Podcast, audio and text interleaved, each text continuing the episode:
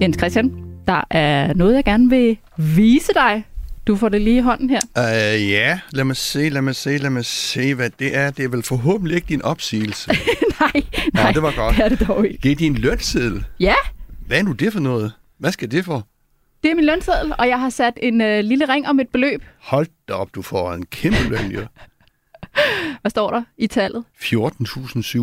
14.700 før skat. Det er det beløb, som jeg får for at lave det her program hver måned. Jeg kan godt sige, at øh, jeg laver ikke programmet på fuld tid.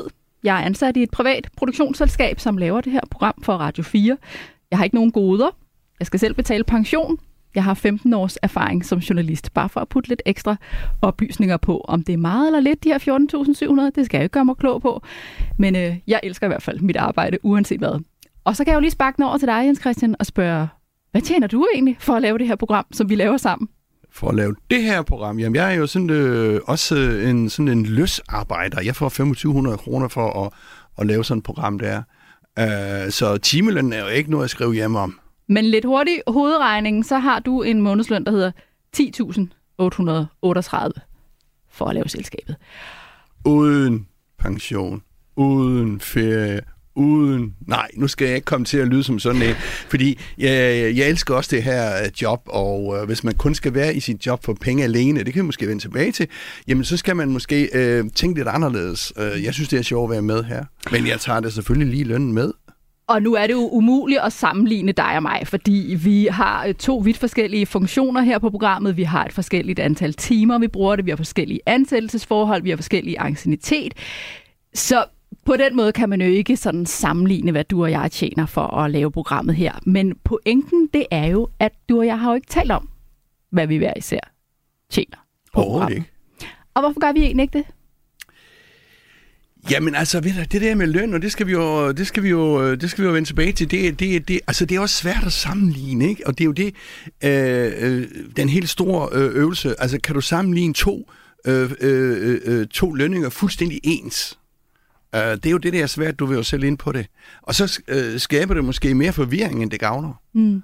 Men det er jo heller ikke, altså jeg går ikke ud fra, at det er hver dag, at folk kommer og viser dig deres lønseddel. Nej. Hvorfor Det, egentlig øh, ikke? Jamen, vi er, vi er jo nok sådan lidt... Øh, det er sådan en personlig sag, ikke? Altså, du nævnte det, øh, inden vi startede her, ligesom hvad, hvad vi stemmer på og sådan noget. Det er også sådan lidt... Ah, det er, altså, det er sgu for intimt næsten, ikke? Altså, man kan godt tale som sit seksuelle liv måske, men altså, det med, at- det med at stemme og hvad man, øh, hvad man får i løn, det vil man ikke snakke om. Hvorfor er det egentlig noget, vi ikke taler om? I don't know. Jeg ved det faktisk ikke. Jeg ved det faktisk ikke. Lad os uh, tale uh, mere om det senere, fordi øh, vi taler højt om løn her i Erhvervsmagasinet Selskabet på Radio 4. Så må vi se, om vores øh, gæster også har øh, lyst til at afsløre deres løn senere i programmet. Bare roligt, der er selvfølgelig ingen tvang. Der er jo mange, der synes, at løn er en privat sag. Men vi skal i hvert fald tale om ligeløn i dag. Der er nemlig stadig forskel på, hvad mænd og kvinder tjener.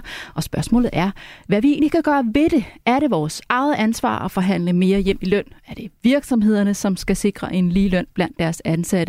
Eller er det politikerne, der skal gribe ind? Det får vi vores erhvervspanel bud på. Jeg hedder Stine Lynghardt og er i studiet sammen med vores faste erhvervskommentator Jens Christian Hansen. Og Jens Christian sidder i dag i vores erhvervspanel sammen med Frederikke Antoni Schmidt. Hej Frederikke. Hej. Du er stifter og direktør i Rockamore, som laver sko. Og ved siden af dig står Peter Supli Benson. Hej Peter. Hej, hej. Du er nordisk korrespondent hos Berlingske. Velkommen til selskabet. Og lad os først lige øh, kigge på nogle af de erhvervsnyheder, som har fyldt i løbet af ugen. Jens Christian, jeg tror, vi er ret mange, som sad ude på kanten af stolen, da en ung dansk tennisspiller spillede en temmelig vild finale i søndags. Og jeg ved jo, at det er sådan noget, du elsker at følge med i. Så kan man egentlig finde en erhvervsvinkel på Holger Runes sejr i Paris Masters? Ja, det kan man sagtens. Altså, penge og sport hænger uløseligt sammen. Uh, og der er enorm penge i sport. Der er enorm penge i elitesport. Holger Rune, 19 år, han har forløbet tjent 50 millioner i præmiepenge, og han har nogle sponsorindtægter, som givetvis er større. Karoline Wozniacki, som jo er gået på pension, øh, eller hvad hedder det, tennispension. Hun havde præmieindtægter for en kvart milliard, og vel øh, det dobbelte i sponsorindtægter.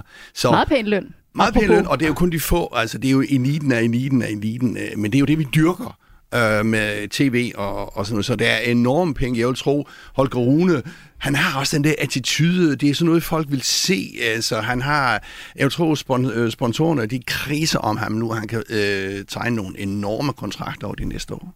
Og på den måde kunne vi øh, få lidt tennis med ind i vores program. Hvad har du ellers øh, fulgt med i, i ugens løb?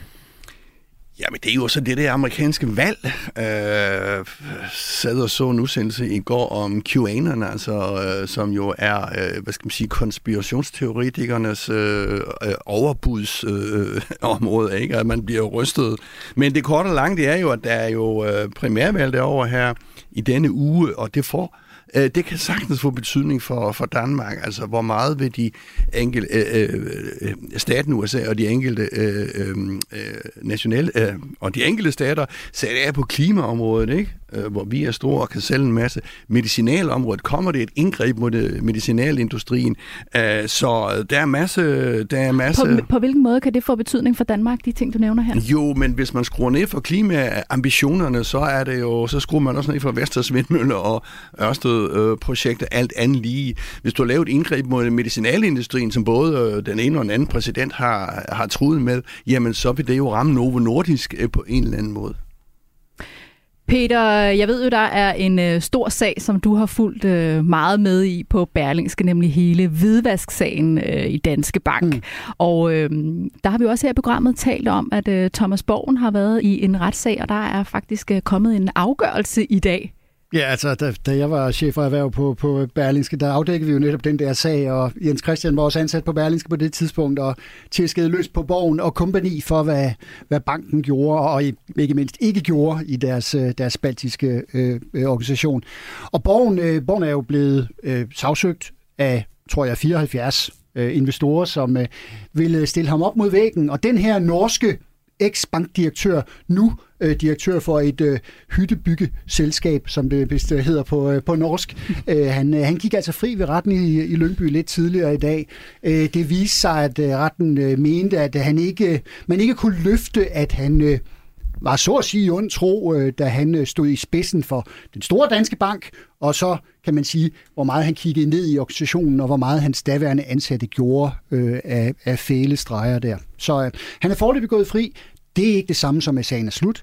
Vi ved, der venter retssager rettet mod, øh, mod Danske Bank, koncernen, der øh, kan sagtens vente erstatnings øh, øh, fra amerikanske investorer, også rettet mod banken. Og, altså, jeg, jeg hører til dem, der også tror, at den daværende ledelse, de skal ikke ånde for lettet op for tidligt, selvom han altså, Thomas Borgen, gik fri i dag. Men, men hvilken, bety- hvilken betydning har det så, at han går fri i lige præcis den her sag? Nå, men altså på den korte bane. I virkeligheden, jeg ser det som mellemregning. Så jeg, jeg vil stille spørgsmålstegn ved, hvor meget det betyder. Det er selvfølgelig rart for ham i første omgang, at man ved en dansk øh, retsinstans ikke kan løfte det de store slagsmål foregår bare ude på den anden side af den her grænse.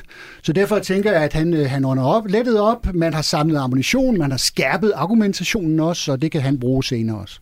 Ja, det er vi altså ikke helt enige, Peter. Altså, øh, vi er jo enige, at de andre store sager med bøder øh, fra den amerikanske stat, måske også den danske stat, og øh, hvem det ellers er, altså, de kører jo separat.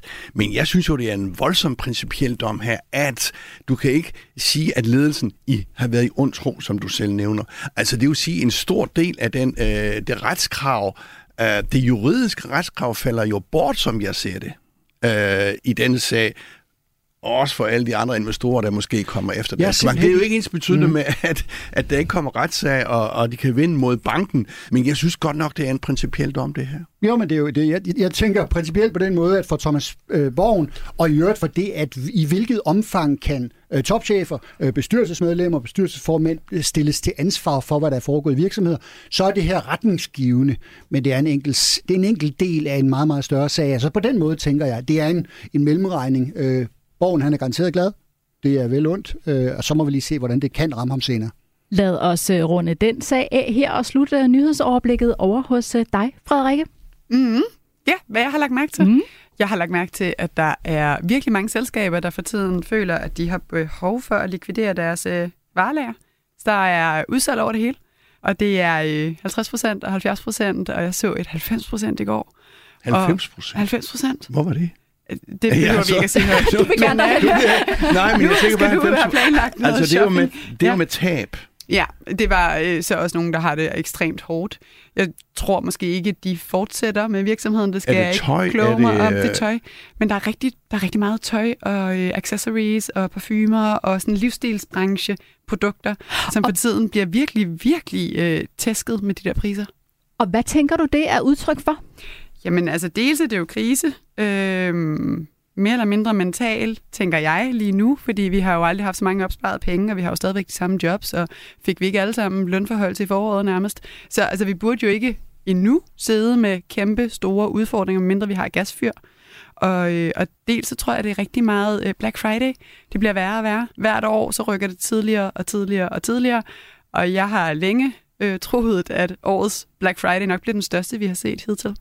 Og vi har jo også hørt nogle historier om, at der har været, øh, på grund af forsyningsproblemer, så er der nogen, der har fået bestilt ekstra varer hjem, og det er måske også nogle af de varer, som så øh, står og hober sig op ude på lagerne nu. Hvor, ja, Jamen, Christian? Må jeg lige sige noget kedeligt noget? Altså set fra et makroøkonomisk synspunkt er det faktisk rigtig Fordi- godt det her. Min Altså det virker god. kynisk. Ja. Altså det virker kynisk. Men Hvorfor er det godt? For, øh, problemet med at få den der øh, inflation ned, det er jo, at forbruget skal ned.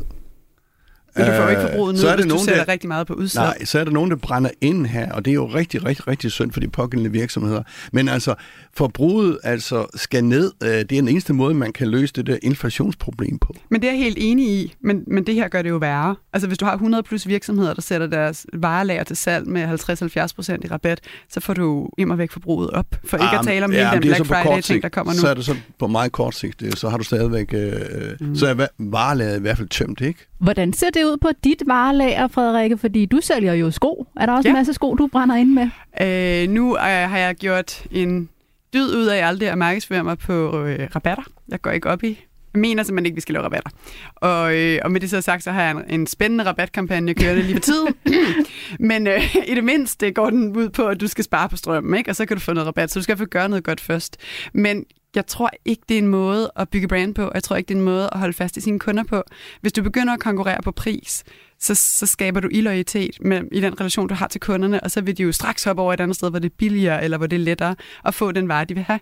Så man kan ikke tage den, jeg mener ikke, man kan tage det parameter ind i sin brandopbygning. Man må, man må konkurrere på noget andet. Der skal være en anden grund til, at du ikke kan leve uden min sko. Prisen kan simpelthen ikke være en del af samtalen. Men er det ikke forskelligt, øh, Frederik? Altså, du sælger jo sådan et, et meget bestemt... Altså, du sælger jo et luksusprodukt, synes jeg. Det ved jeg ikke, om du selv siger. Men hvis du er ude i det der massemarked, mm-hmm. øh, øh, altså, er det ikke to forskellige måder at, at, at brande dig på og at sælge dine varer på? Jo, men jeg tror ikke nødvendigvis, det har så meget at gøre med sådan percepted value, altså perceived value hedder det. Men mit produkt koster mange penge, det er en investering. Om det er luksus, det er egentlig ret subjektivt. Hvem der synes, det er luksus, og hvem der ikke synes, det er. Og H&M er enormt billigt, og der er nogen, der synes, det er luksus, fordi de ikke normalt shopper, eller fordi de kan købe otte trøjer, når de kun havde brug for en. Så igen, det er meget subjektivt, hvordan man shopper. Men jeg tror, at det, der er vigtigt hele vejen igennem, det er at tænke, hvis du konkurrerer på pris, så kommer du aldrig udenom den samtale. Så skal du for evigt og altid snakke om pris. Men øh, vi lukker af for prisen, lige for nu i hvert fald. Tak for ugens nyhedsoverblik.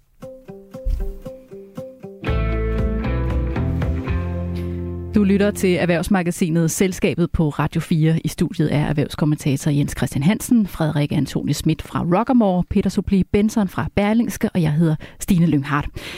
Det er ikke nemt at være ansat i de store tech-giganter for tiden. Der er varslet en stor fyringsrunde i Facebook i denne uge. Regnskaberne skuffer, og selskaber som Amazon, Netflix og Googles moderselskab Alphabet har fået tæsk på aktiemarkedet. Og nogle af de store topbosser, vi kender som Mark Zuckerberg, Elon Musk og Bill Gates, har tabt milliarder. Jens Christian, øh, hvad er det, der sker med de store øh, tech-giganter for tiden? Ja, det er faktisk meget, meget dramatisk. Det er jo decideret bank, eller undskyld, det er decideret aktiekrak, de er udsat for. Altså de store virksomheder, du nævnte dem, som Facebook, øh, Google, Amazon.com, Netflix, Tesla er også med, Twitter er så blevet købt op, men de er jo halveret i pris øh, over øh, et år. Så kan man så diskutere, jamen var de ikke spekuleret øh, sindssygt op i pris de sidste fem år? Jo, det var de øh, måske, men det, altså, det vil sige, korrektionen den er meget, meget, meget voldsom. Altså jeg var inde og kigge på det, det hedder S&P 500, det er sådan et, et indeks, der ligesom øh, indkapsler en masse amerikanske, 500 amerikanske virksomheder, som giver en indikation af, hvor aktierne er på vej hen. Og de har tabt 20 procent det sidste år. 20 procent, det er også meget. Men tech-virksomhederne, og de er jo samlet i det her Nasdaq, de har tabt 70 procent, altså Nasdaq-børsen. Ikke? Så bare for at sige, at de tech-aktier, og det er de der 5-6 store fra San Francisco, øh, som tror jeg, de ligger alle sammen, øh, som jo i den grad har fået test, det er en helt ny, altså det er en, en helt ny verden, vi ser der pludselig. Det er unge virksomheder, de er jo ikke mere end 10-20 år gamle. Og prøv lige at fortælle lidt mere om, hvad det er for et udgangspunkt, de kommer fra. Fordi er det ikke sådan, at man længe har set dem som de sikre vindere for jo, investorerne? Jo, jo. jo, jo. Altså i lang tid, så var det jo dem, der drev øh, aktiemarkederne. Altså øh, også de almindelige aktier, så trak de der tech-aktier øh, hele aktiemarkedet med op. Øh, men altså mange af de, kan man måske vende tilbage til, mange af de virksomheder skal jo hele tiden forny sig selv. Uh, Facebook for eksempel er jo nok den, der har det største problem lige i øjeblikket. Og hvem er på Facebook? Jeg er på Facebook men øh, mine to børn, de er, jeg tror, de har en profil, men de er ikke meget på Facebook. Altså, og så kommer de der nye TikTok og, og alle disse nye platforme ind, og så smadrer jo smadrer jo øh, de jo den øh, forretningsmodel, som Facebook har, øh, for eksempel. Så ja, altså, øh, det er, øh, jeg tror, nogen skal dø her, eller finde en ny forretningsmodel, eller på en eller anden måde genopfinde sig selv. Er du enig i det, Frederik? Ja, til dels. Altså hvis man kigger over sådan statistikkerne på, hvor der er flest users, så ligger Facebook stadigvæk i top 3. Jeg tror faktisk, de er nummer 1, men de er i hvert fald deroppe omkring. Så de er ikke, TikTok ligger helt nede. De ligger på en 6-7. plads. Så selvfølgelig er der noget med, at når der kommer nye medier og udfordrer de eksisterende, så skal de eksisterende lidt genopfinde sig selv. Men Facebook er bare så kæmpe stor og har haft så stort et forspring, at det kommer til at tage lang tid, for at de, de sådan decideret dør, tror jeg. Jamen, jeg tror heller ikke, de dør, hvis jeg... Altså, man kan vel sige sådan... Øh, øh, øh, der er jo ligesom to ting. I en virksomhed kan jeg godt tjene penge, mens aktierne falder, fordi at du sidder og tænker... Altså, aktierne er jo handlet frem på de der forventninger. Altså, forventninger om enorm stigning. Er det 3 milliarder mm-hmm. øh, kunder, de har? Øh, eller brugere, eller hvad det sådan noget hedder, Facebook, ikke? Øh, men, men, men hele deres forretningsfilosofi, at de skal op på 4 milliarder, 5 milliarder, altså det er en voldsom vækststrategi, den aktie er handlet ind i, og hvis de ikke kan øh, leve op til den, så falder kursen. Derfor kan de godt tjene en, en lille skilling i nyerne, men altså på den lidt længere bane, så kan det godt blive svært. Peter, hvad er din vurdering af, hvorfor det går så dårligt for tech-aktierne generelt set lige nu? Altså u- uagtet, at vi bliver ramt af en krig og med alle mulige afledte øh, effekter med inflation og øh, leveringsproblemer og alt muligt, der, der smitter ud af i alle de der kæder, så, så, så var det jo den forventede nedtur, i hvert fald i en eller anden form, vi skulle se, fordi vi har haft en vækst i så uforholdsmæssig lang tid, så, så alle de der nationaløkonomers øh, normale bud på, hvornår kører kurverne op, og hvornår kører de så ned igen, det var vi jo sådan set ved at kortslutte. Så, så vi skulle se en, en tur ned, og så er det logisk, at vækstbaserede virksomheder, som er, som Jens Christian også, nu er jeg enig med dig for en gang skyld, øh, så rigtigt siger, at, at, at bundet i håb om, at det går bedre og bedre og bedre. Så dermed så er der også et spørgsmål om, hvor flytter pengene sig så hen, også når vi taler aktieinvesteringerne. Øh, lige nu med renter, der stiger, så flytter de sig i noget, der er mere sikkert, men de flytter sig også over i virksomheder, som er funderet i for eksempel produktion af cementfabrikker, eller øh, tagvinduer, eller hvad pokker det nu må være. Noget, hvor der ligesom er et produkt, som er fysisk eller semifysisk, hvad det nu kan være. Det andet er, er, er rent, altså på nogle måder er det jo bundet i produkter, også når det er Facebook og, og TikTok og hvad det er, men det er også funderet bare i noget, der er svært rundt i skyen. Frederikke? Ja, men jeg tænker også, det har vel også noget at gøre med, med hele den sådan, måde, vi har øh, hyret og fyret de sidste par år. For der har været en total skævvidning. Efter coronakrisen, eller midt i coronakrisen, der fyrede alle store virksomheder og en pokkers masse mennesker. Og så da de var på vej ud af krisen, eller i hvert fald på vej til at åbne landet op igen de forskellige steder, så gik det op for virksomheder, at man manglede folk. Så begyndte man at stjæle dem fra hinanden, så fik de jo højere løn, og, og ligesom at samle og samle og samle. Og 2020 var et rekordår for de fleste tech-virksomheder.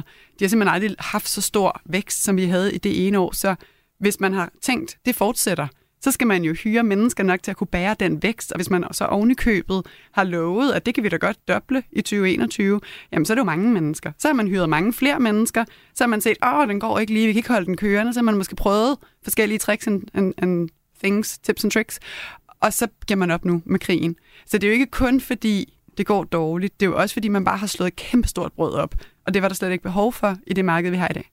Er det også sådan, du ser det? Ja, altså jeg synes, det nye her er, at det sker så hurtigt. Øh, ting sker så hurtigt. Man kan jo sige sådan, øh, Peter var egentlig lidt på de der fysiske, øh, øh fysiske altså sådan noget som Goldcade, øh, øh, cornflakes, øh, øl og sådan noget. Altså det er sådan lidt mere normalt. Men det her sker altså med nogle brav, synes jeg. Enten øh, går det op i himlen, eller går der ned, altså aktiekursmæssigt, eller går der ned i helvede. Ikke? Vi så jo dot-com-bølgen, som vi siger, altså alle de der nye øh, dot-com-selskaber, som, som altså hele det marked krakkede jo voldsomt i 2001, og der blev, uh, uh, hvad skal man sige, der blev skilt en masse fuldstændig øh, øh, dårlige virksomheder ud der, og så er det jo de sunde, der overlever. Og vi skal igen sådan lidt igen, det ved jeg ikke. Nu er det her, vi snakker om her, det er jo meget, meget, meget stort, som Frederik siger. De har enorm kapital, og de tjener stadigvæk penge, skal man altså lige huske på. Og selvom vi er trætte af Facebook i Danmark, så kan det godt være, at de kan lide dem i, øh, Men... i Indien, eller hvad ved jeg. Øh, så, så, så det er, mange, det er selvfølgelig mange nuancer i det her, men det er altså, vi har oplevet et, et, øh, et, et dramatisk fald her, synes jeg.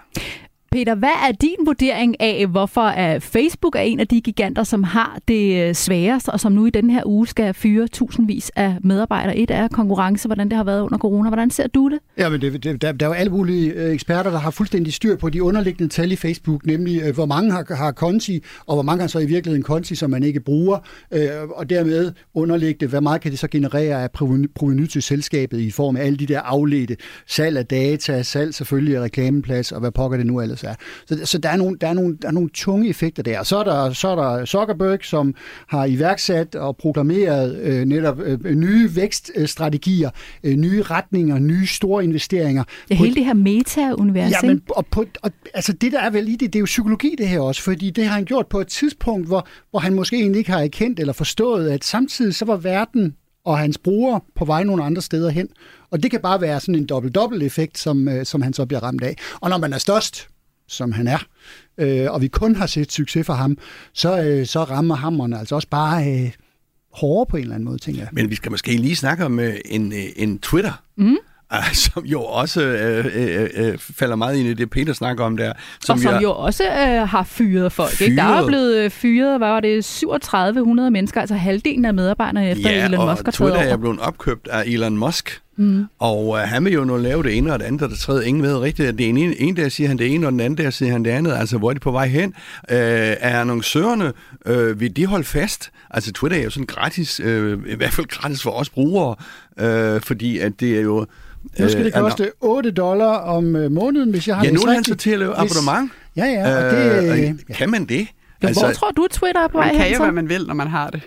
Ja, ja, mere, lige præcis. Tage imod det. Men om det så også øh, er, om brugerne vil tage imod det, ikke? Mm. Altså, vi har set med der, hvor jeg kommer fra, medierne, de har givet øh, øh, lave gratis, øh, øh, gratis medier øh, noget hen ad vejen, og så håber de at så kunne sætte øh, prisen op senere hen, og det har været svært. Og hvor vurderer du så, at Twitter er på vej hen nu? Jamen, jeg tror der, det, altså, man kan jo sige sådan med ham, øh, Elon Musk, han kan jo et eller andet. Så vi har talt om ham mange gange. Jeg har sådan lidt ambivalent med ham, men øh, jamen, altså, enten er de på vej op i en ny øh, gylden fremtid, og ellers øh, det modsatte sted, øh, og, og så lukker de, og så starter de noget andet. Altså, jeg tror, det er sådan en dramatisk øh, udvikling, de skal igen. Frederikke, hvordan ser du på det for de her øh, store tech-giganter generelt set? Tænker du, at det er slut med de gyldne tider, eller hvordan tænker du, at fremtidsudsigterne ser ud? Altså, øh, hvis vi snakker om Facebook, så er deres største udfordring har været hele den her Apple-opdatering. Så iOS 14 har en masse problemer, set fra Facebooks side, øh, som gør, at de ikke længere kan track deres kunder så godt som tidligere. Så rigtig meget af øh, det, jeg vil købe som annoncør, det kan jeg ikke længere få adgang til, og hvis jeg kan, så fungerer det ikke som det plejede. Så den businessmodel, hvor at de i hvert fald kommer igennem på, at andre mennesker betaler dem for at ramme de rigtige mennesker, det fungerer ikke længere. Så er der alt muligt andet, der fungerer.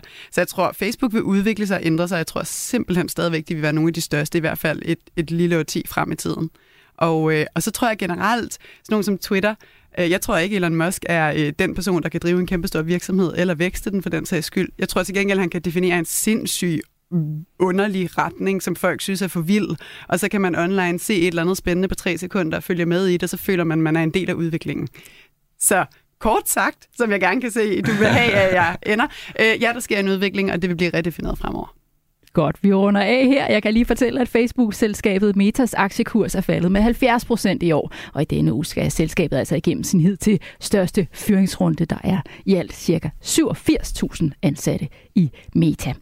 Om lidt skal vi tale om løn, for selvom ligeløn har været på dagsordenen i over 100 år, så er der stadig forskel på, hvad mænd og kvinder tjener for det samme arbejde. Lyt med på den anden side af nyhederne her på Radio 4.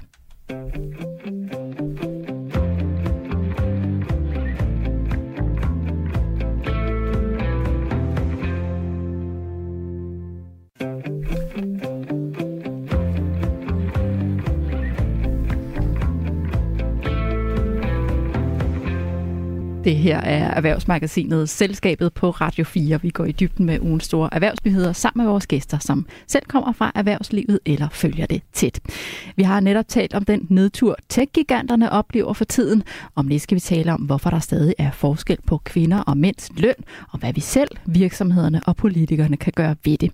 Det får vi bud på fra dagens erhvervspanel. Det består i dag af selskabets faste erhvervskommentator Jens Christian Hansen, Frederik Antoni Schmidt, stifter og direktør i Rockamore, som laver sko, og Peter Subli Benson, nordisk korrespondent hos Berlingske. Jeg selv hedder Stine Lynghardt. Men først skal vi have en quiz. Det er her, vi tester, hvor godt I egentlig har fulgt med i ugens erhvervsnyheder. Vi laver lige en uh, linje ned gennem studiet, hvor Frederik og Peter står på den ene side, og Jens Christian på den anden. Det var vist nok os, der vandt sidst, var det ikke, jeg skal Nå, det kan jeg ikke huske. Det kan Jeg husker, jeg, jeg husker kun mine egne sejre. Ja, jeg tror, den står 1-0. Den samlede stilling, kan jeg fortælle, lige nu er 8-6 til gæsterne. Og øh, i dag skal I gætte historien bag citatet. Lige om lidt læser jeg et citat højt, og så skal I gætte, hvad det er, historien handler om. Det er hurtigst på aftrækkeren, så det hold, der kommer først med det rigtige svar, har vundet. Er I med på reglerne? Mm. Så står I helt klar. godt. Citatet er kort, men godt. Det lyder sådan her. Det er i den lave ende, end hvad vi havde tænkt. Jeg havde troet, der var flere, der havde ringet. Sådan udtaler en person. Men hvad er det, personen udtaler sig om? Gør jeg nogle tanker? Citatet var altså, det er i den lave ende, end hvad vi havde tænkt. Jeg havde troet, at der var flere, der havde ringet. Så røg der en hånd i vejret over hos Jens Christian. Øh,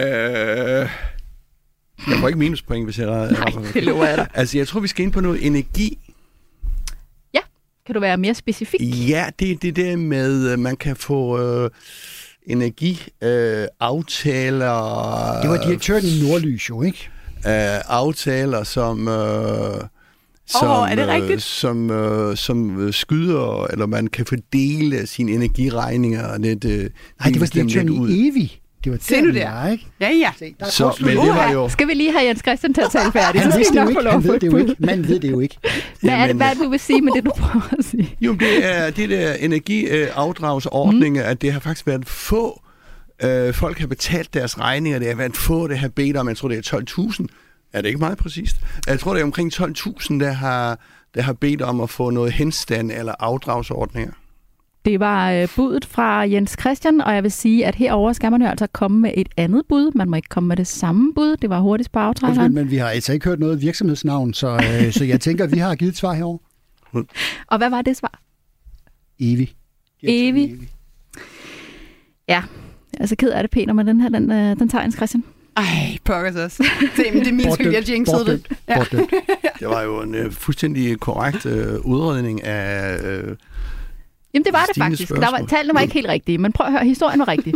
Der er foreløbig færre end forventet, der har gjort brug af den økonomiske hjælp til elregningen. Altså det her med, at man netop kan få udskudt dele af sine el- og gasregninger. Det er der foreløbig lidt over 7.000 kunder, som har bedt om at få, fortæller tre selskaber til DR.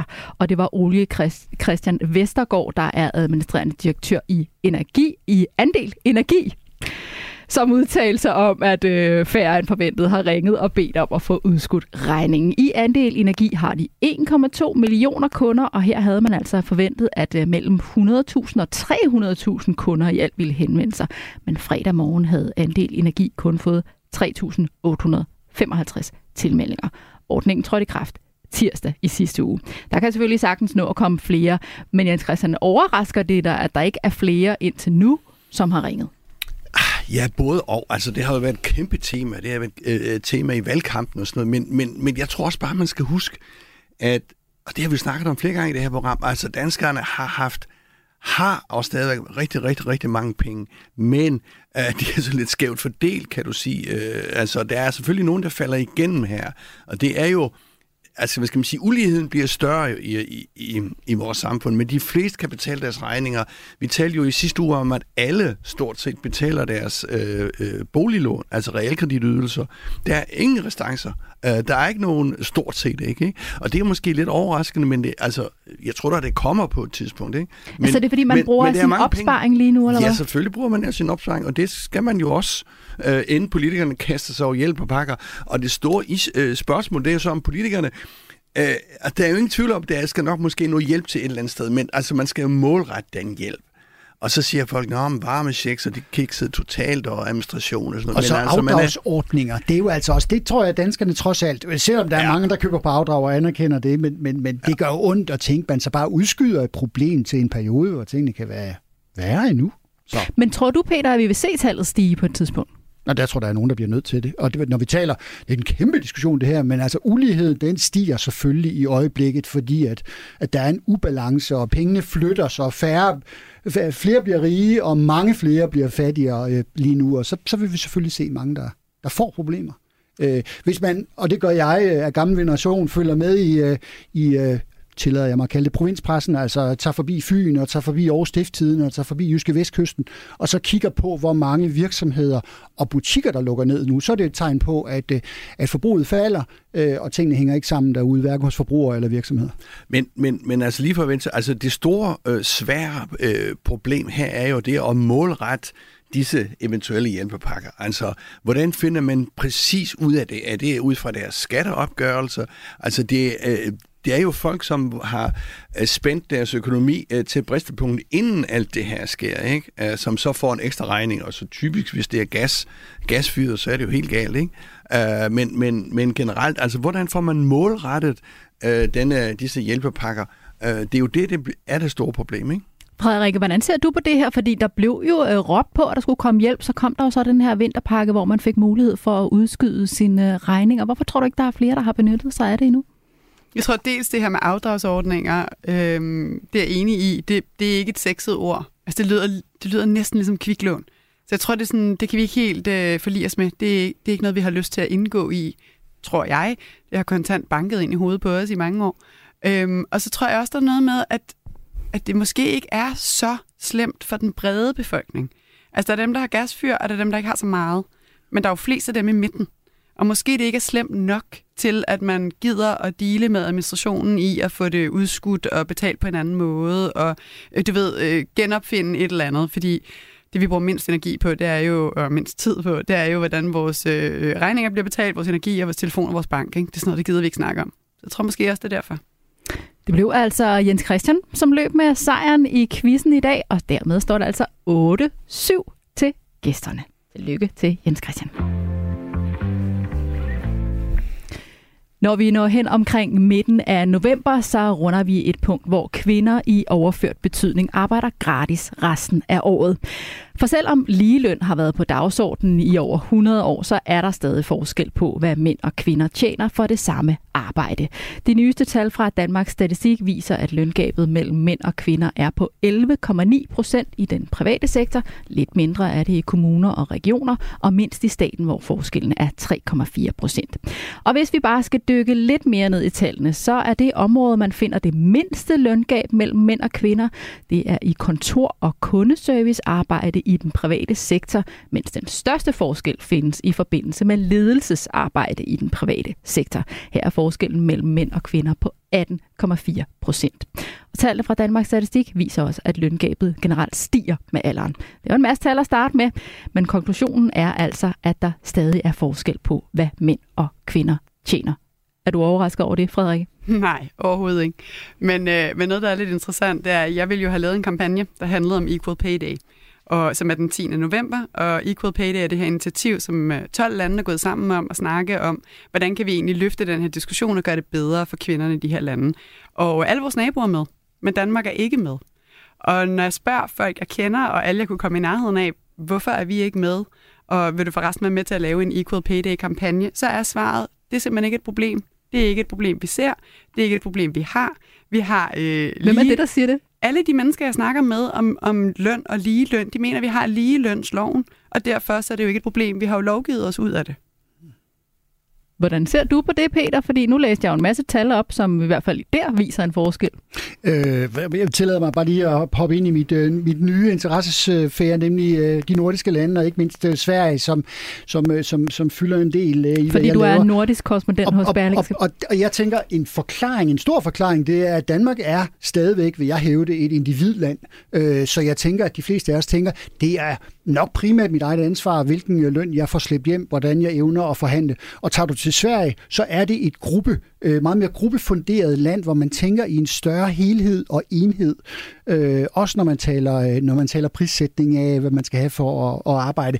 Så, så der er et eller andet, for mig i hvert fald, med det her individ kontra er det gruppen, er det, er det flokken, der bestemmer, så at sige. Taler vi simpelthen ikke nok om det her Jeg i tror Danmark? ikke, vi taler, jeg, jeg mener bestemt ikke, vi taler nok om det, og løn er én ting, men en gammel Hassan, jeg altid vil hive frem, det er jo, når du så kigger på, øh, øh, hvor mange kvindelige øh, ledere er der på alle mulige niveauer, og selvfølgelig bestyrelsesarbejde, og det flytter sig så godt som ikke, og jeg forstår jo ikke, at nogen eller ingen i virkeligheden ikke har lyst til at diskutere, at- hvad, hvad, hvilke drastiske tiltag, der skal til, for at vi rammer nogenlunde ligeligt inden for en overskuelig fremtid. Hvad er så forskellen af løngabet i Sverige og Norge? Ej, jeg kan ikke, jeg kan ikke de konkrete tal fra Sverige, men jeg, jeg kan sige, øh, også ud fra hvad du siger, at, at, at svenskerne tænker simpelthen anderledes, end vi gør. De er mindre individ, de er Så mere burde det jo gruppe. være lavere, det løngab. Men svenskerne har også en funktion, hvor man lægger sin skat online i et system, som alle Ja. kan se. Ja, der er meget mere Så gennemsigtighed du kan jo ret hurtigt regne ud, hvad folk får i løn, så det er jo en virkelig god uh, ticket at have Ja, til lønsamtalen. Ikke? Jeg kan se, at mine det så i Norge, så betaler ved. det Er her. noget hen ad vejen. Har de, de har nogle åbne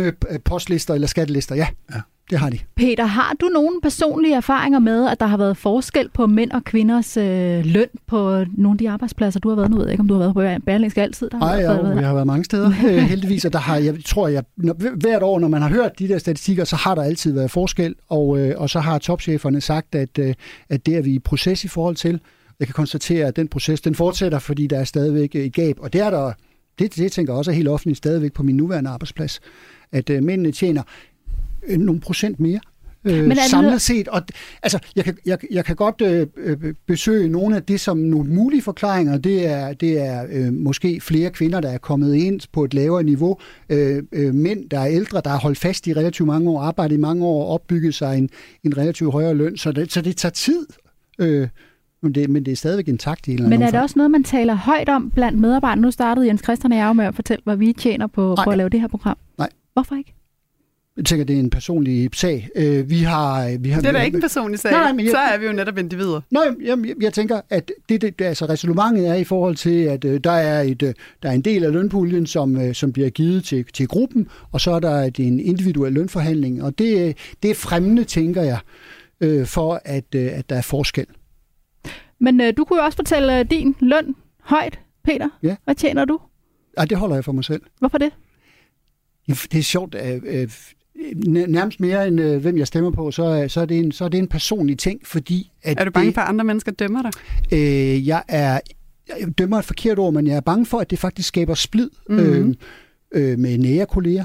Øh, at øh, jeg er i princippet også bange for, at chefer vil synes, det er meget underligt, at jeg stiller mig op og fortæller det, fordi at det er noget, der kan, der kan kaste skygger eller noget øh, videre ned i, øh, i flokken af ansatte.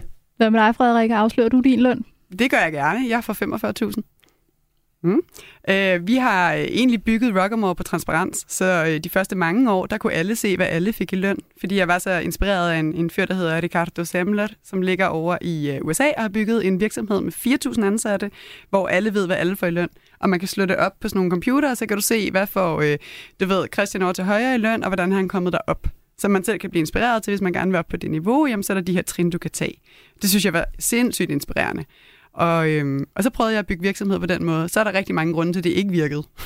Men jeg prøver så Hvorfor vidt det? muligt stadig at være så transparent, som jeg kan. Fordi så begynder vi at snakke om warrants, og så begynder vi at snakke, at jeg har ansat to af mine investorer, og hvordan den, den, at deres lønpakke skruet sammen. Det bliver et underligt regnestykke, fordi de jo har en værdi i virksomheden, og de jo samtidig får en løn, og det, uh, det har folk, folk svært ved at forholde sig til, fordi hvis man ikke er vant til at snakke om warrants, og hvad for en værdi de har, så kan man ikke rigtig forstå at omsætte det til kroner og øre. Men har I en åbenhed, hvor I går rundt på gangen inde hos Rockamore og siger, jeg tjener det, jeg tjener det, nu siger du, at du tjener 45.000. Er det noget, I går rundt og taler med hinanden højt om? Jeg tror ikke, vi har en åbenhed omkring det, øh, dikteret af mig i hvert fald, men vi har ikke en, det må du ikke. Altså, det må du gerne. Og du, jeg tror jo, det er et fællesskabsproblem. Altså, jeg tror jo, at øh, mennesker som dig, Peter, skal stille sig forrest og sige, hvad de får i løn, hvis vi nogensinde skal ændre på det. Fordi ellers så bliver det jo hele tiden ved med at sparke nedad. Altså sådan, det kan jeg ikke, fordi jeg bliver defineret ovenfra, eller dem nedenunder bliver sure. Jamen, så får vi bare aldrig åbnet op for, at der bliver mulighed for, at alle får det samme. Jeg synes, det er gode argumenter. Jeg, jeg, jeg, har, jeg, har, svært, jeg har personligt har jeg svært ved at tage det skridt. Øh, øh, jeg bliver sådan set... Øh, jeg, synes, jeg er virkelig åben for, at vi tager den diskussion, men jeg tænker også, det er en diskussion, der skal tages øh, øh i et regi af arbejdspladsen for eksempel, øh, og så argumentere den vej ud fra. Ja, måske, men det er jo også et spørgsmål om, at vi alle sammen kigger ind i de biases, vi har omkring mm. løn. Fordi jeg er for eksempel bange for, at folk dømmer mig. Og jeg kunne høre jeres samtale lidt tidligere. I gik straks begge to ind i at retfærdiggøre den løn, I fik. og det, det, er jo det, man gør. Nå, men det får jeg, men det får jeg altså, fordi at, altså, jeg arbejder hele tiden, og det er vildt hårdt. Og, jeg faktisk, og, og så går man også over i den anden lejr, der hedder, når jeg elsker mit job, ergo behøver jeg ikke for særlig meget for det. Og det er jo en dårlig transaction, fordi du er bedre til dit job, hvis du elsker det, så hvorfor skulle du have mindre for det? Du arbejder højst sandsynligt mere på det, end hvis ikke du elskede dit job. Så det vil sige, at virksomheden får jo mere værdi ud af det, og derfor skulle de også betale mere for det. Og, og Peter er jo nok, som danskerne er flest af de fleste synes, at det er et ret privat område. Men hvad vil vi få ud af, hvis der var flere, der talte højt om deres løn, Jens Christian? Jamen, jeg ved ikke, om det er den vej rundt. Altså, jeg kunne godt tænke mig at, at, at nævne noget helt andet her. Må jeg det? Mm. Altså de der arbejdsmarkedsparter og, og overenskomster, hvorfor kan disse fagforeninger, hvis de skal altså være til for noget, ikke gå lidt mere aktivt ind i det her? Hvis de virkelig mener, at det er et problem, hvorfor kan man så ikke meget mere... Altså de har sgu øh, ressourcerne og kapaven til at, at gøre noget aktivt ved det her. Det har de jo ikke gjort angiveligt, øh, hvis vi har så store forskelle. Jeg synes, jeg synes det der 11,9 procent generelt set stadigvæk er en øh, overraskende høj, øh, højt løngab. Øh, øh, vi skal så... tale mere om, øh, hvad det er, vi kan gøre ved det, men jeg kunne godt lige tænke mig at prøve at høre nogle af danskerne om, hvad de siger til, at der stadig er forskel på mænd og kvinders løn her anno 2022, og hvad de mener, der skal gøres ved det. Vores reporter har været en tur på gaden i København. Hvad mener du om, at der er forskel på, hvor meget mænd og kvinder tjener? Jeg mener, det er forkasteligt, og det skulle ændres øh, prompte. Jeg kan ikke forstå, hvorfor mændene skal tjene mere end kvinderne. Jamen, det er jo helt forkert. Selvfølgelig skal der være lige løn for lige arbejde. Altså, jeg synes jo, det er noget underligt noget. Selvfølgelig handler det også om ens øh, kompetence. Det er ikke fair. Hvorfor tror du, det er sådan? Det er desværre nogle historisk, øh, har historisk baggrund og nogle øh, ting, der blev vedtaget for mange, mange år siden. Det er rigtig svært at ændre på det, fordi meget af det er i det offentlige regi, og derfor vil det koste penge og måske gå ud over velfærdssamfundet, og derfor er det noget, der skal skrues på gelinde og ændres langsomt desværre. Det er fordi, vi lever i en mandsdomineret verden. Det skal der jo gøres noget ved. Også i forhold til sådan noget med, at det er kvinderne, der går på barsel og mister nogle muligheder for sådan at avancere inden for karriereforløbet osv. Ikke? Det er så også derfor, man prøver at lave noget politisk med barsel. Jeg er helt sikker på, at det har noget at gøre med tradition og altså historien, hvornår mænd og kvinder fik adgang til arbejdsmarkedet. Kvinderne har gået hjemme før i tiden, og jeg tror, at hele den der historik, den bare stadigvæk hænger i samfundet. Hvem er det, der skal gøre noget ved det? Det er selvfølgelig noget politisk, men man må jo også gribe i egen barm, kan man sige. Først og fremmest så er det jo os alle sammen, altså os selv, altså både kvinder og mænd, og så er det selvfølgelig virksomhedsledere og selvfølgelig også det offentlige. Jeg tænker, på det private marked, der er det i hvert fald øh, de private virksomheder, der skal gøre noget ved det. I det offentlige, der kan man sige, det kan jo godt være, at øh, politikerne skal have en eller anden form for holdning til det, men det er jo nok øh, i forhold til overenskomstforhandlingerne, altså for der skal gå ind og sige, at vi bliver nødt til at have noget mere lige løn. Mener du så, at der er brug for politiske indgreb? Ja, det mener jeg bestemt, der er. Hvis man kan gøre det uden at ændre på den danske model, vil det være det bedste. Jeg synes, det er på en måde lidt problematisk, at det skal være politisk. Men altså et eller andet sted, så har jeg det sådan, at det bliver nok ikke ændret, hvis det ikke er sådan. Og det er også derfor, det har været meget diskuteret med barsel, ikke? Og det kan man jo også sige, det er der også noget dårligt om, men der er også noget godt i det, ikke? Så jeg tror at på en eller anden måde, at det sådan på central hold sådan skal laves nogle ændringer, før det, det laver nogle forstyrrelser ude i samfundet. Det kan der i sidste ende være, men det er bedst, hvis øh, arbejdsmarkedet selv klarer det. Nej, nok ikke. Jeg tænker helt sikkert, at det skal ligge ude i fagforeningerne. Ja, fordi det kan ikke være lovligt, at en kvinde, på grund af at hun er kvinde, tjener mindre end en mand, hvis hun laver det samme type arbejde. De fleste kan hurtigt blive enige om, at det ikke er i orden, at der er en forskel på mænd og kvinders løn, og vi øh, hører her nogle forskellige bud på løsninger, både hos en selv, virksomhederne, politikerne, fagforeningerne bliver også nævnt. Hvem mener du, Frederikke, er det, der skal gøre noget ved det for at få lukket det her løngab? Jeg mener, det er os. Altså os, der sidder midt i det. Så, Også hvem definerer du som jamen, os? Dels er det også kvinder. Det handler om, at vi jo råber op og øh, definerer, hvad det er, vi synes, vi har ret til, og så går efter det. Fordi en del af problemet er, at vi ikke er opmærksomme på, hvor meget værdi vi egentlig selv har. Altså, hvad for en værdi har jeg, og hvad har jeg øh, ret til at sælge mig selv til? Det er en af problemerne. Det er enormt svært at prissætte sig selv. Og, øh, og hvis vi så aldrig nogensinde snakker med andre om, hvad for en værdi har du, så er det vildt svært at benchmarke. Så lad os sige, sådan et andet spor er, at ansvaret ligger hos jer. Altså hos folk, som ikke vil sige deres løn. Nu kommer jeg til at køre på dig, Peter. men, øh, men, men altså, jeg skal jo, hvis jeg skulle have dit job, så skal jeg jo vide, hvor meget det er værd. Og jeg har jo brug for at snakke med nogen, der sidder i det job, som ikke andet så bare en til en snakke om, hvad er det egentlig, jeg får i løn, sådan så andre mennesker kan inspirere til at forhandle derudfra. Så du mener altså, at det ligger primært hos kvinderne selv? Nej, jeg mener, det ligger hos os selv. Så når jeg siger os selv, det ligger hos mig som leder. Det er mit ansvar, at dem, der arbejder for mig, de øh, bliver behandlet ordentligt og respektfuldt. Men det er også dit ansvar, der hvor du arbejder, at du bliver behandlet ordentligt og respektfuldt. Så jeg synes faktisk, det starter hos individet næsten ligegyldigt, hvad for en position du har. Og hvis man kigger sådan øh, overordnet set på, hvad de største problemer er inden for øh, ligeløn, så er en af de rigtig store udfordringer, det er, at når kvinder skifter job internt i organisationen, altså når de får et nyt øh, ansvarsområde eller en ny titel, så glemmer de at få en ny løn med. Og det, det er typisk derfor, når du kommer helt op i, i ledelsesniveauet, C-level, det er jo 15 procent kvinder cirka, og de kvinder, de ligger lavere end mænd, fordi de måske undervejs ikke har fået hævet sig selv op på det korrekte løntrin. Men så skal der jo sidde, i min optik, en chef og sige, hov, hov, det her det går ikke, vi skal lige have løftet kvinderne, så øh, de får præcis det samme, som mændene gør, for det er jo kun det, der er retfærdigt. Jeg, jeg tror altså ikke, det sker den vej, øh, Frederik. Jeg, øh, Blandt andet den vej. Jeg vil håbe, ja ja, altså pres på, men altså nu er det jo sådan, vi har faktisk en ligelønslov, fra 1976, tror jeg. Altså, du siger, man har en lov om ligeløn. Nu siger du øh, præcis det samme, som alle de kvinder sagde til mig, når jeg gik rundt og sagde, at vi skal lave en Equal Pay Day-kampagne, der sætter fokus på det her. Nej, nej, vi har en ligelønslov. Ja, man har en ligelønslov, men den bliver men den så ikke overholdt. Ikke. Nej, men hvad så med, altså, du har sådan en færdselslov, og øh, du har et hav af lov, og hvis du over, øh, overtræder dem, så Men det er bare du, så passivt. Så, får du så sidder du stille og venter på, at der er nogle andre, der fikser problemet for dig. Altså, hvordan er det gået de sidste 100 år? Skal vi prøve noget nyt? Ja, men altså, jeg tænker på, at man skulle så prøve noget nyt, og for eksempel at give bøder. Nej, nej.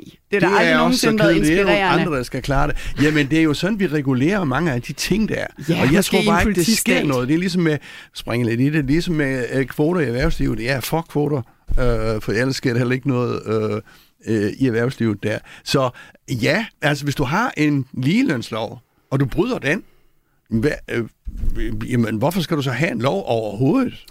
Ligelønsloven er sejt. Hvis du begynder at markedsføre et koncept med bøder og negativ omtale, så er der jo ikke nogen, der er interesseret i at løfte og gøre det for the good of it. Det her er jo noget, der gavner hele samfundet, det gavner os alle jo, sammen. Så undgår men det kommer jo ikke videre. Nej, det er det men samme, det er hvis du sviner i din op. virksomhed, så kommer hvad hedder sådan noget fødevarestyrelsen, eller hvem det Finder hedder, der er bare måder at omgå de der bøder på. Det er ligesom, når du kører over for rødt. Det gør du da alligevel. Peter, hvad mener du? Er, er der andre steder, hvor vi kan tænke nyt? Kan vi tænke nyt i virksomhederne? Kan vi tænke nyt politisk for at få fjernet det her løngab? Altså, jeg er ikke i tvivl om, at det her det, det, det starter hos dig selv, øh, uanset køn. Øh, altså, det er, den, det er en kamp, som du, du eller vi skal klædes på til at, at, at, at tages, uanset hvem pokker vi nu er, og hvilket køn vi så har. Så det er der, det begynder. Øh, jeg er ikke tilhænger af bøder, fordi det, det, det er altså også et... Øh, det, det, det er et specielt indgreb, synes jeg. Øh, at i øvrigt gå ud i en, i en privat virksomhed på den måde, og så skulle stange bøder ud, hvis man har gjort, hvad man skulle. Så, så start individuelt. Der er et eller andet opdragelsesarbejde der. Så synes jeg altså også, der er et opdragelsesarbejde øh, i forhold til, hvordan vi får virksomheder til at tale om det her. Helt banalt. Øh, fordi nu står jeg og, og spiller hellig, og, øh, eller det modsatte, øh, og i hvert fald ikke vil fortælle, hvad jeg får i løn, fordi det gør man ikke der, hvor jeg kommer fra. Øh, og det er måske der også, øh, der ligger en, en, en fejl i det her system, så hvis, øh, hvis, hvis vi talte mere åbent om det. Men altså, jeg er jo ansat på en øh, borgerlig vis, og øh, der er individet en stor ting, og det spiller helt sikkert ind i forhold til, hvordan man gør. Det kan være øh, længere, lidt længere herfra over på politikken, Jeg tror jo ikke, det er sådan, for jeg har været ansat der. Men det er, det er en mere rød avis, og måske skulle de i princippet så øh, stange alle oplysninger ud, og så dermed have åbenhed om det. Jeg tror ikke, de gør det, hvis jeg kender mig ret. Frederik, vi har jo set en lille forbedring gennem årene. Siden 2004 er løngabet faldet fra 16 procent til 11,9 procent. Oplever du, at der er en forandring undervejs, at vi taler om det på nye måder, eller hvordan ser du det? Altså, jeg kan i hvert fald se inden for min, min egen lille verden, som primært tæller iværksættere, selvstændige og, øh, og investorer, der er folk meget åbne. Og øh, jeg kommer også et sted fra, hvor man ikke snakker, snakker om løn, og jeg synes også, det er enormt sårbart fordi så begynder folk at dømme mig, og det kan jeg ikke ret til, og jeg ejer også noget, der har en værdi, og hvad må jeg, hvad må jeg ikke. Og jeg kan huske, det øh, første år Rockamore tjente penge, der begyndte alle mine venner at synes, at jeg skulle betale for middagen fordi nu tjente jeg penge. Altså, du ved, det der med penge, det er bare et mærkeligt sted, og folk har mange meninger. Øhm, men jeg synes, vi er blevet rigtig gode til at åbne op for dialogen, og mange mennesker, jeg kender, taler meget åbent om, hvad får jeg, hvad får du, hvad får man? Og, øh, og det gør jo, at der kommer meget bedre øh, skal vi sige, balance i det niveau, som vi ligger på. Ikke? Og vi ved også, hvad man gerne må give for de her øh, nøglepersoner, som man gerne vil have til at vækste ens virksomhed. Der ligger vi også samme sted. Så åbenheden gør en forskel, og den, den er i vækst. Så der er en, en udvikling på vej, og så er der måske også nogle øh, knapper, man kunne trykke på for at, at sætte yderligere skub i det. Vi øh, runder emnet af her, fordi øh, selskabet er slut for i dag. Tak til vores gæster i dagens erhvervspanel. Frederik Antoni Schmidt, stifter og direktør i Rockamore. Peter Supli Benson, nordisk korrespondent hos Berlingske. Og til dig, Jens Christian. Vi ses igen på næste onsdag. Programmet her var produceret af Beam Audio Agency for Radio 4. Tak fordi du lyttede med. Thank you.